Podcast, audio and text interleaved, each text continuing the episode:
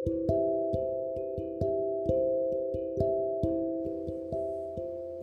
saudara, selamat malam. Apa kabar dengan Anda?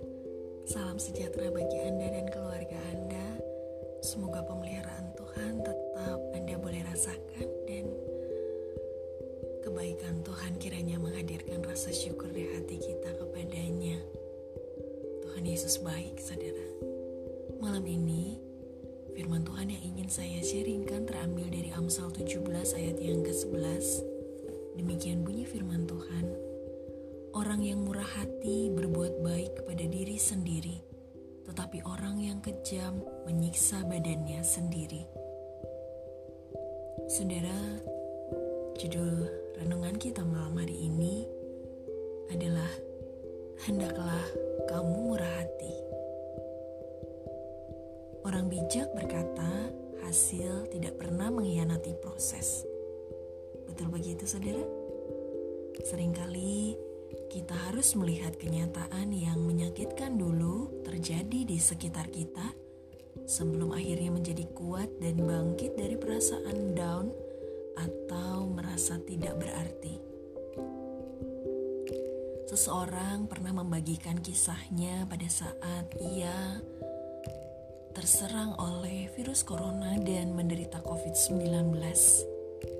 Dalam kesaksiannya tersebut, ia merasakan bahwa sakit yang dideritanya begitu menyiksa, tetapi rohnya begitu berapi-api untuk terus membagikan karya penebusan Yesus Kristus di kayu salib. Dan ia melakukannya kepada pasien isolasi yang ada di sebelahnya. Saat itu ia mengaku tidak lagi terlalu memikirkan dirinya sendiri walaupun badannya terasa sakit sekali.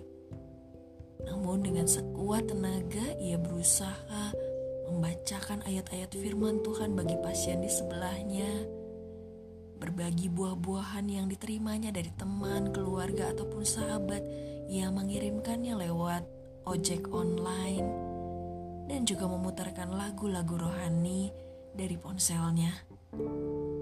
Dan saudara, pasien pertama yang dijumpainya di ruang isolasi itu awalnya tampak keadaannya jauh lebih menderita daripada dirinya. Tapi herannya saudara, ia selalu senang mendengarkan doa, ayat firman Tuhan, juga lagu-lagu pujian yang diputarkan baginya. Meskipun ia tidak berkeyakinan sama dengan kita. Dan hebatnya saudara dalam beberapa hari, pasien parah itu dinyatakan sembuh dan boleh keluar dari rumah sakit. Tuhan sungguh-sungguh mengerjakan kesembuhan di dalam tubuhnya. Kemudian pasien tersebut digantikan oleh pasien yang baru, saudara. Dan dengan semangat yang masih terus menyala-nyala, orang yang kita bicarakan tadi terus-menerus melakukan hal yang sama kepada pasien baru tersebut. Meskipun pasien baru itu juga berkeyakinan lain, tetapi Roh Kudus sudah menjamah hatinya sehingga ia bersuka cita mendengarkan doa, firman Tuhan, juga lagu-lagu pujian yang diputarkan baginya. Ya, saat akhirnya sang pembawa firman itu akhirnya bisa keluar karena sudah dinyatakan sembuh. Dan pasien di sebelahnya ketika ia berpamitan berterima kasih dengan sungguh-sungguh kepadanya. Saudara Lukas 6 ayat 36 menuliskan hendaklah kamu murah hati sama seperti Bapamu adalah murah hati. Kemurahan hati telah mengerjakan banyak sekali kebaikan di dalam diri kita sendiri dan di dalam orang-orang yang ada di sekitar kita. Seperti nats yang kita baca di awal renungan ini. Betapa besarnya arti kemurahan hati kalau kita bisa sungguh-sungguh taat di dalam melakukannya, saudara. Hari-hari ini, saudara, ada begitu banyak kesempatan bagi kita untuk melakukan tindakan kemurahan hati dan menunjukkannya dengan sungguh-sungguh kepada sesama kita. Mungkin itu hal-hal yang sederhana. Kita hanya berbagi makanan yang sederhana yang kita memang nikmati bersama keluarga, dengan tetangga, atau mungkin dengan pemulung yang biasa ada di sekitar kita. Mungkin kita hanya sekadar bertanya tentang keadaan seseorang, teman ataupun tetangga kita dan berjanji untuk ikut mendoakannya. Itu pun bentuk kemurahan hati, saudara. Atau mungkin kita hanya sekadar membuka-buka catatan orang-orang yang berulang tahun, lalu mengucapkannya secara pribadi, apalagi bila kita juga mengirimkan sedikit kue untuk menyatakan sukacita kita bersama-sama dengan dia di dalam merayakan satu tahun pertambahan usia yang Tuhan berikan kepadanya. Itu pun bentuk kemurahan hati. Atau ketika kita mungkin hanya bisa meluangkan waktu untuk mendengarkan keluh kesah orang yang ada di sekeliling kita.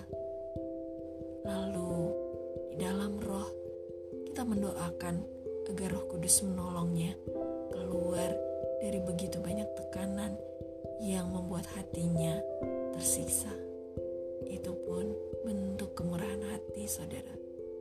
Ada begitu banyak cara yang bisa kita lakukan untuk menunjukkan itu semua adalah cara kita untuk meneladani Kristus. Ingatlah saudara bahwa ketika ia sedang menderita gitu berat dan sakit di atas kayu salib, Tuhan Yesus tetap bermurah hati kepada penjahat yang ada di sebelahnya ketika orang itu meminta Tuhan untuk mengingatnya. Sungguh, tengah kesakitan pun Tuhan Yesus tetap memilih untuk bermurah hati.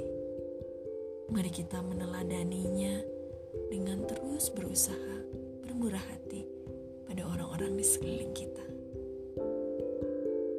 Mari kita berdoa. Ya Roh Kudus,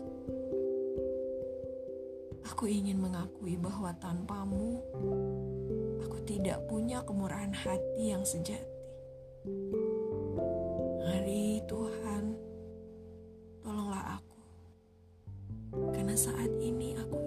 Sekali bisa menjadi teladan bagi orang-orang di sekelilingku untuk bersikap murah hati sejauh yang bisa kulakukan. Sama seperti ketika Yesus melakukannya bagiku. Ajari aku Tuhan untuk bisa bermurah hati pada orang-orang di sekelilingku dan menyatakan cinta kasih Tuhan bagi mereka. Ya Bapa, aku bersyukur karena aku pun adalah orang yang telah menerima kemurahan hatimu di dalam pengorbanan Kristus Yesus di Kalvari. Terima kasih Bapa. Dalam nama Yesus. Amin. Selamat malam saudara, selamat beristirahat.